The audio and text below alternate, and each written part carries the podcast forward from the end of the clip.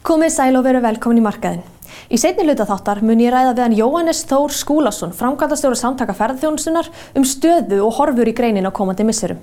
En fyrst mun hún Elin Hist, fréttamaður, ræða við hann að Katrínu Ólafsdóttur, dósent við Háskólinni í Reykjavík um stöðu ríkisfjármála.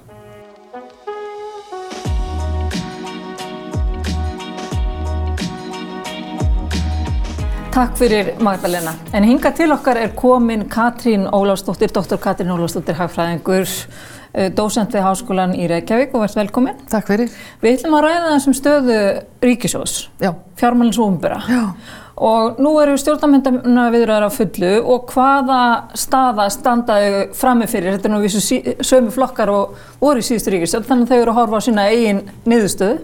Já, já, við erum alltaf búin að fara í gegnum tímabila sem er gríðarlega óvisa og, og mikið, mikið undir að ríkistjónin myndi bregðast við þessum erfið aðstæðum og fara í allskyns aðgerðir til þess að, að hjálpa okkur í gegnum þessar, þennan erfiða tíma. Mm. Nú erum við svona aðeins kannski farin að sjá fyrir endan á því og þá stendur, stendur ríkistjónin það í þeim sporum að horfa svolítið fram á við. Það er náttúrulega mikill halli á ríkisjóði Mm. Hversu mikill er það? Hann var 8% af landsframleysli fyrra sem er svona svipað og var hérna 2009-10. Eh, hann verður ekkert minna þessu ári, það er ekki alveg ljóst ennþá eins og við vitum ekki alveg hvað kosta öll þessi, þessar aðgerri sem að, að hefur verið farið í. Þannig að svolítið erfitt að, erfitt að metta, en ég ger ekki ráð fyrir að verða eitthvað minni heldur en það. Mm -hmm. eh, þannig að það er eh, mikill halli eins og er og þá er spurningin hvernig förum við fram á við, verður forgangurinn að, að minka hallan og ná aftur jafnvægi mm. eins og við vitum um mikið ákallu um að auka helbriðstjónustu, þannig að það þýðir náttúrulega meiri, meiri útgjöld.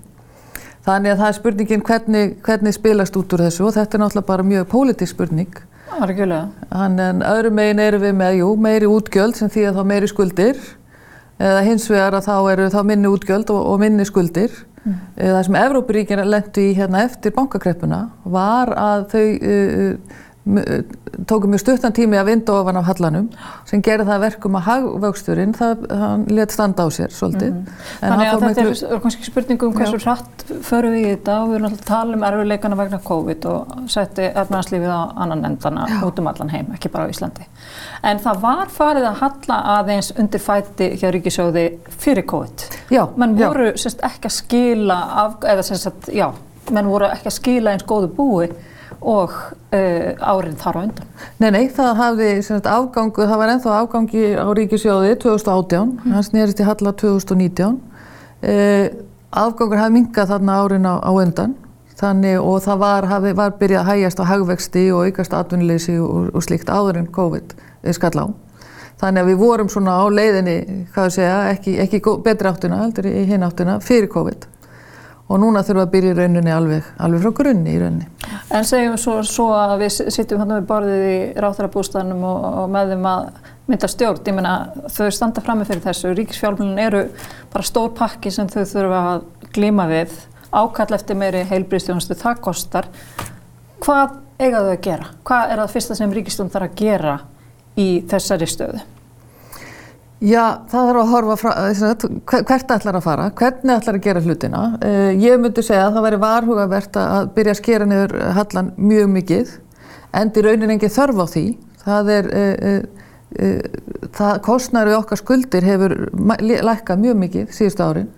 Þannig að ég myndi segja, setja upp eitthvað svona skynsama áallun um það hvernig þú ætlar að bæta í þá ofnbyrju þjónustu sem ákallið erum og síðan að finna svona góða leið til þess að klára þessar aðgerðir sem er í gangi vegna COVID og svona reyna að komast svolítið á, á lignarsjó þótt að kosti eitthvað hallaregstur á næstu árum. Mm -hmm. Þannig að þessi, sérst menni ekki að ráðast á hallan alveg að fullu afli og reyna að ná honum niður mjög skjótt eins og sem mér nákvæmlega sem að nákvæmlega löndin okkar hafa gert. Já, það held ég að sé misræðið, sérstaklega í ljósi reynslunar, mm. hjá öðrum, mm. að, að við hefum ekki að fara ofrætt í þetta og í rauninni eins og skuldastaða Ríkisjós er það góð að það er ekki, ekki þörf á því. En það er ímist teikna lofti, það er mjög enginlegt ástand í alþjóðlega hagkerfinu. Óljan, hún hækkar og hækkar og það er raunur, uh, allar vélar heimsins er að fara í gang eftir COVID og það er, sagt, er dýrtíð verið stöðra að, að skella á og þá hugsa maður strax verðbólka, hvað þýðir það fyrir Ísland og okkar fólk. Já, þarna kemur náttúrulega inn á svona afleggingarnar á COVID sem að, að eru þær að hagkerfi heimsins eru svolítið brokkeng, þau eru að komast í gang, þau eru ekki í takt. Það eru uh, vandamál við að, að vöru flutninga á milli landa.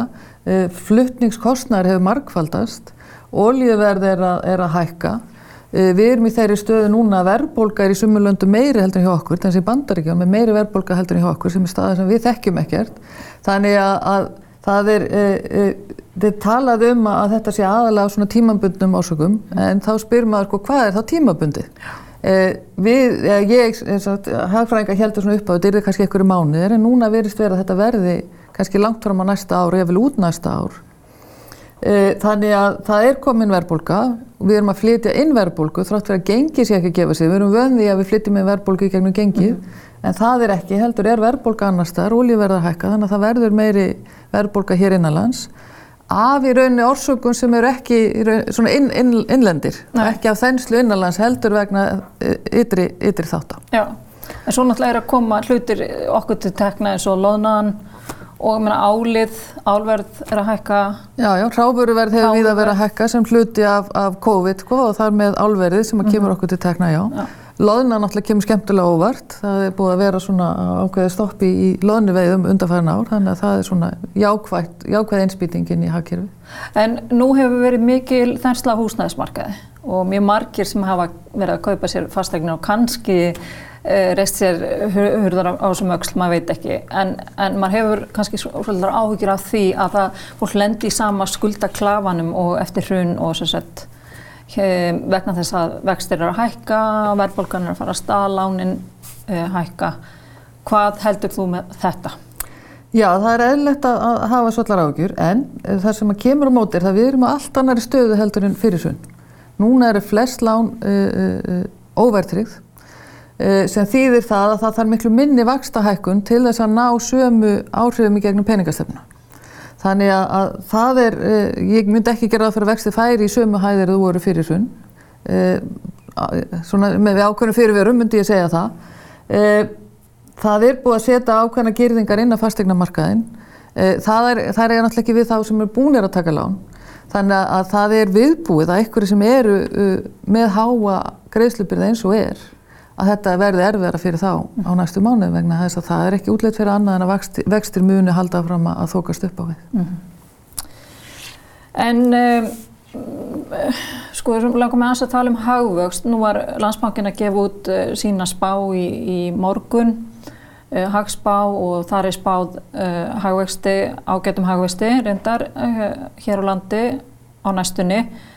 Um, en hagvöxtur um, tölum aðeins um hagvöxt, Hvað, hvers konar mælikvarði er það? Þannig að við erum núna stöndum fram fyrir loftlagsbreytingum og inn í hagvexti er ekkert tekið með af þeim kostnaði sem uh, hlýst af losun CO2 fyrir umhverfið og þá spyr ég mig, þú veist, hvers konar mælikvarði er það eiginlega? Já, það er eitt sem að hérna, hagfræðin kennir okkur, jú, hvers konar mælikvarði landsframleysli er landsframleysla og sem sagt hagvöxtur er þá breytingin á landsframleyslu er mjög einfaldu mælikvarði. Telur bara allt sem að búið er til og virði þess og leggur það saman. E, það tekur ekki tillit til allskyns atriða sem eru ekki kannski á, á, á, á hérna, e, greittir fyrir, allskyns þjónusta sem er bara e, þjónusteina heimilisins og allt það, tekur ekki tillit til þess. Tekur ekki tillit til mengunar Og það er náttúrulega stórt atrið og, og mengun til dæmis heldur bara í bókaldi fyrirtækja. Þar er, ofta, er ekki tekið tillit til mengunar þannig að mm. þú getur verið með eitthvað kostnað og, og, en, en sko, kostnaðurinn við það að menga fyrir öðrum hann kemur ekkert þar inn í. En nú við kannski standuð svolítið fram með nýjum veruleika vegna að við erum að tala um bara hérna lofslags vá virkilega og ég menna við höfum mengað svo sem gegnum aldirnar Eh, eða fröðumbyltingu mjög mikið og hérna, en núna verðist þetta vera að koma í e, bakið okkur alveg viðstöðulegst og það er spurning, mér finnst enkenlegt ef að uh, hagkerfi heimsins þurfu ekkert að fara að reikna sig rétt sagt, inn í hérna, þennan veruleika. Já, já, þetta er, þetta, fólk er alveg meðvitað um, um þennan vanda og það er eitt af því sem að vera að gera varandi eins og með mengunarkvotana, sem að var talað um í samtöku við Kjót og samkominlega á sínum tíma, að þá setur verð á mengunina og þannig kemur þið inn í bókaldi og þannig fer að taka tillit til þessi þínum framleyslega ákvörðum. Mm -hmm. eh, en það er mjög erfitt svona bara abstrakt að setja verðmiða á mengunina þannig að þetta var svona einlega sem átt að fara og hefur einhverju leiti verið farin en þetta er eitthvað sem við þurfum bara að gera í miklu miklu meira mæli vegna að þetta er ju raunverulega kostnaður og við þurfum að finna leiði til að setja vermið á hann mm og setja hann inn í bókaldið. Öðruvísi munum við ekki taka á því. Við tökum ekkert á svona hlutunum að við finnum fyrir því eigin vasa eða eigin veski eða, eða eigin skinni. En gæti þetta snert eh, íslenska nefnahag verulega á næsta árum og þurfa að borga hérna mengunarkota hérna Já, útgjöld vegna hans. Ef að það kemur til, já, já þá kemur þetta inn í bókald fyrirtækja sem aukinn kostnaður. Mm -hmm. Á móti kemur að við erum að, til þess að álverin eru á, á hérna vassorku frekar en kólum, þannig að við erum að menga minna hvað það varðar. Mm -hmm. Þannig að það er svona eitt að, að raukstunningi fyrir því að vera með stóriðu hér á landi, mm -hmm. er að það er setni orka sem er, sem er notið. En ef við sumurum þetta bara aðeins upp semst þetta að, að þetta, þú segir að þessi ekki, semst við verum ekki að sigla inn í einsmengla læð eins og eftir hrun og við verðum, já, viltu kannski sumura þetta aðeins upp fyrir okkur? Já, sko það, við erum á leiðin í hagvöxt en hann getur orðið svolítið brokkengur. Ég myndi að segja að hann er svolítið mísjafn eftir geirum, mm -hmm. hvernig gengur.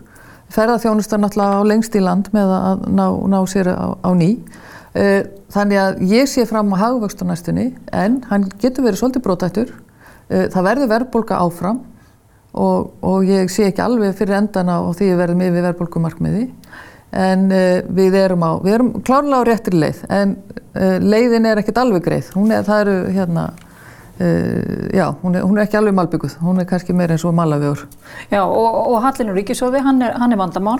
Hann er vandamál, nema hvað að skuldinar eru til dæla litlar, skuldinar náðist tölverkt niður hérna fyrir COVID. mm og það er til dæla litlar og kostnæran við að greiða þessum skuldum eru minni heldur en að hafa oft verið. Vegna betra lánshæfismats? Vegna betra lánshæfismats, lægri vakst á allþjóðavísu og, já, og bara lægri skulda heldur en ofta áður. Já.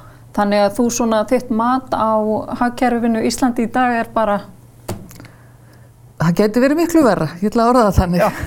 Að kella fyrir komuna Katrín. Takk fyrir.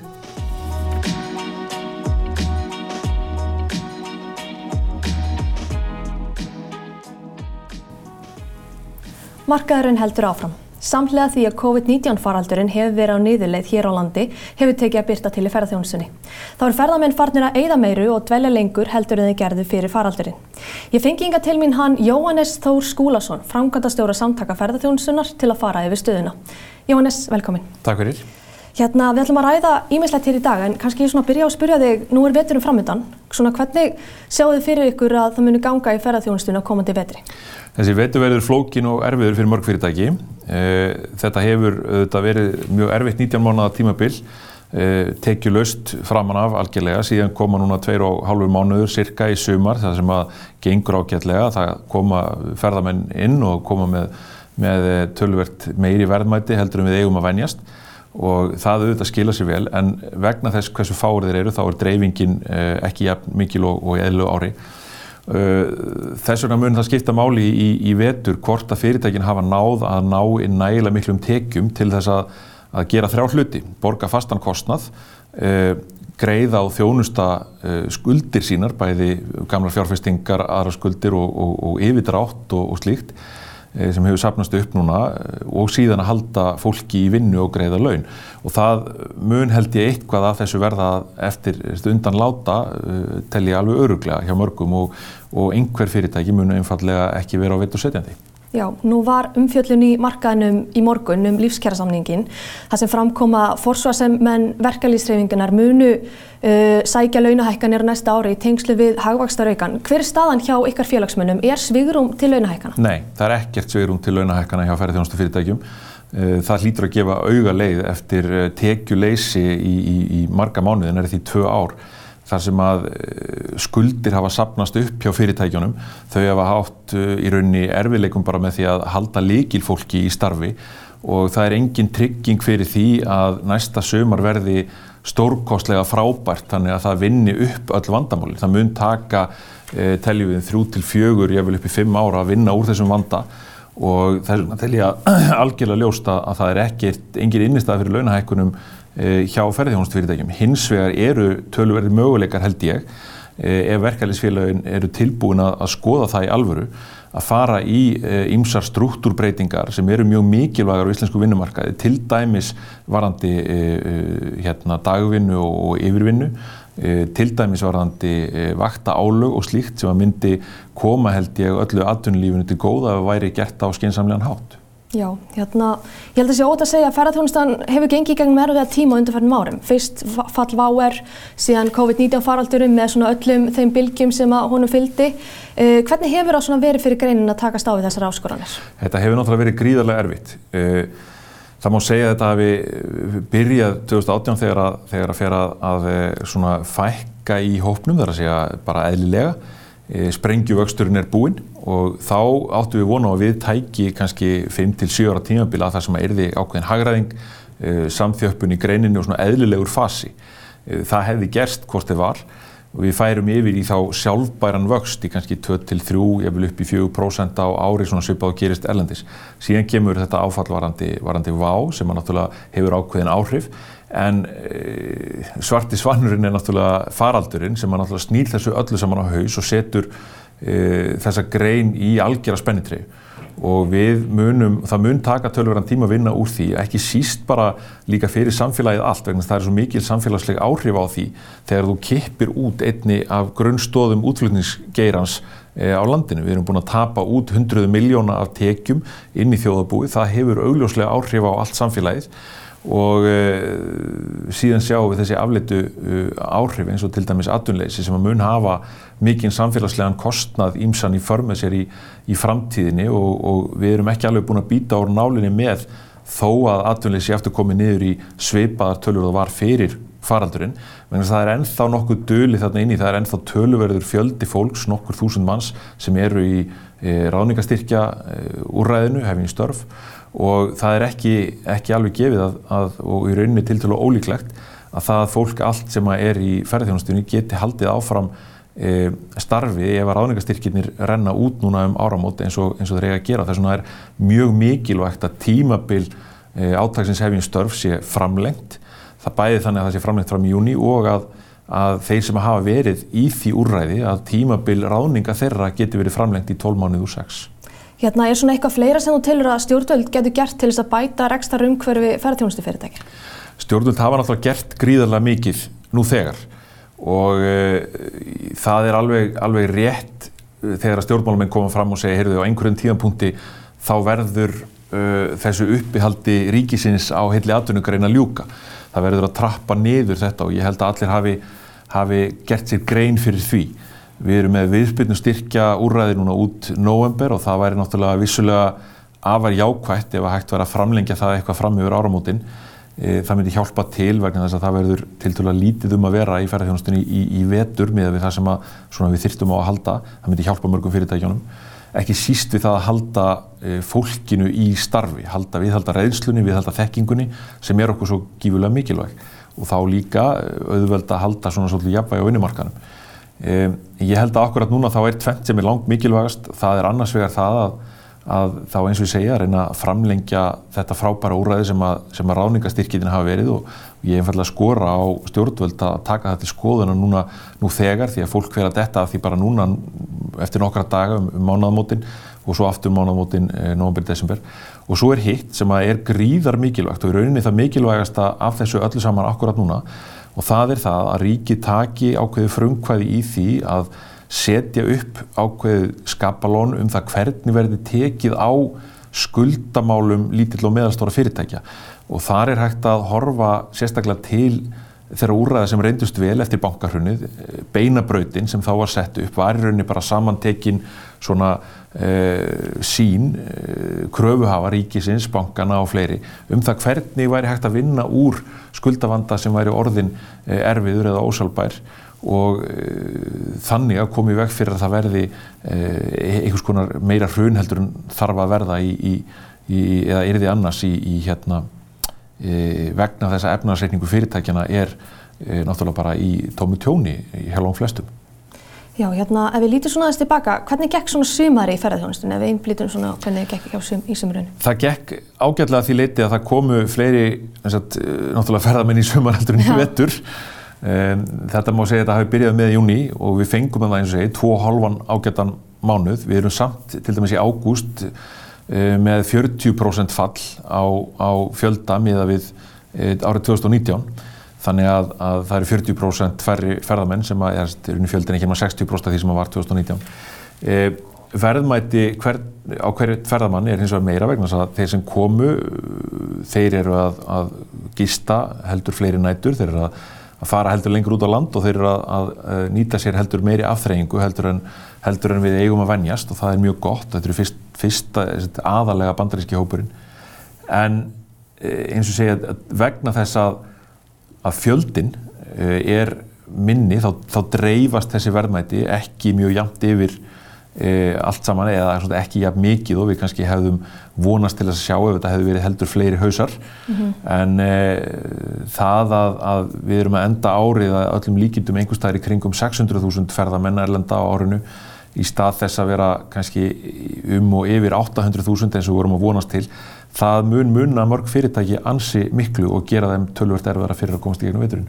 Nú hefur verið mikið umræðin að við ættum svona einblýna á að fá efnaða ferðamenn til landsins mm. sem eigða meiru heldur en hinn almenni ferðamaður. Svona hvernig horfið það við ykkur? Hérna, hafið þið einhverja skoðanir á því máli? Já, það er rauninni bara algjörlega í flúti við samtök, stefnu samtaka ferðarþjónustunar og í rauninni algjörlega líkil atriði í þeirri stefnumótun sem að hefur átt sér stað með, átt sér stað 2019 með, sagt, í, í samvinnu stjórnvalda og atvinnugreinarinnar að það eru verðmættin sem skipta máli en ekki fjöldin. Það er ekki sjálfstætt markmið hvorki stjórnvalda nýja ferðarþjónustunar sem atvinnugreinar að móka hér inn einhverjum fjöldaferðamanna. Það eru verðmættin sem að þeir skila samfélaginu sem að skipta máli og uh, til þess að ná að gera það þá þurfum við átt okkur á því að hinn betur borgandi ferðamaður, ef svo má segja, sem að, sem að margir talum en, en kannski fáir átt að segja á hvað er, hann er ekki endilega bara luxusferðamaðurinn, þessi sem kemur og eigðir einhverju miljónum. Eh, hann, eh, betur borgandi ferðamaðurinn er sá sem að kemur og gistir kannski tveim-þrem nóttum lengur heldur en yfirleitt hann er ferðarmæður sem að e, kaupir meiri afþreyingu. Akkurat þessi típa fólki sem við erum búin að sjá núna í sumar og svo ekki síður náttúrulega fólk sem er að koma hér í, í, í ráðstefnuferðir eða eitthvað slíkt. Það er svona hefbundið e, mjög, mjög e, verðmættir ferðarmenn og síðan eru náttúrulega lúsus og, og heilsuferðarþjónustu. Þannig að, að við þurfum í raun að gera ímislegt til þess að, og sem við getum gert, til þess að auka líkunar á því að fá hér ferðamenn sem að eru að skilja eftir meiri verðmæti og meiri neyslu á landinu. En það þarf að fara þá saman bæði e, markaskreining og fjármagn til þess að sækja þessa markaði e, sem, að, sem að er mjög mikilvægt til dæmis að verði gert núna og aukið í núna um, um áramótin til þess að Íslandsstofa hafi fjármagn til þess að, að sækja ferðamenn fyrir næsta sumar. Eins og staðan er þá, þá vantar það fjármagn Það þarf líka að horfa á hluti eins og uppbyggingu áfangastada, hvaða gæði við erum með á þjónustunni hérna og hvernig hæfnin og e, e, fagmennskan er í fyrirtækjunum og þar kemur þá sérstaklega inn einmitt hvaða að við töpum ekki núni gegnum þetta erfiða tímabil allir reynslu og þekkingu frá fólki sem er svo mikilvægt til þess að halda því við. Þannig að það eru margir svona þættir sem þurfa að leggjast saman og þarf að vinna mjög, mjög e, markvist í til þess að við getum náð þessu markmiði að auka hlutfall verðmæta eh, per ferðamann sem er mjög mikilvægt og, og almennt viðkjönd markmið. Hverja myndir þú segja að horfunar séu á komandi árum? Hver eru helstu áskoranir sem ferðarþjónustanum er standa framfyrir? Sko það er náttúrulega í fyrsta lagi bara áskorun fyrir ferðarþjónustu heiminum að ná sér upp úr þessu, þessum faraldri. Eh, það ferðamenn fari að, að treysta því að geta ferðast aftur Eh, flugfélögin þurfa að geta náð sér eh, upp úr þessum gríðarlega öldudal sem þau hafa verið í. Við hefum svolítið eftir að sjá hvað það mun taka langan tíma. Flestir gera ráð fyrir að um 2024 þá verði þetta eh, orðið svona kannski á sveipuðu leveli eins og það var 2019. Við vonumst náttúrulega til þess að í kringum þann tíma 2024 verðum við komin á svona samskonar já, komið svipuð verðmæti út úr ferðarþjónustunni inn í samfélagið eins og við vorum með 2019. Það er hins vegar alveg ljóst að það mun þurfa að horfa til ímins að þátta til þess að það geti gerst og þá er kannski ekki síst akkurat þess sem ég var að nefna varandi það að, að fyrirtækin verði ekki skuldum hlaðin til þess að þau hafi ekki bólmagn til þess að byggja sig upp.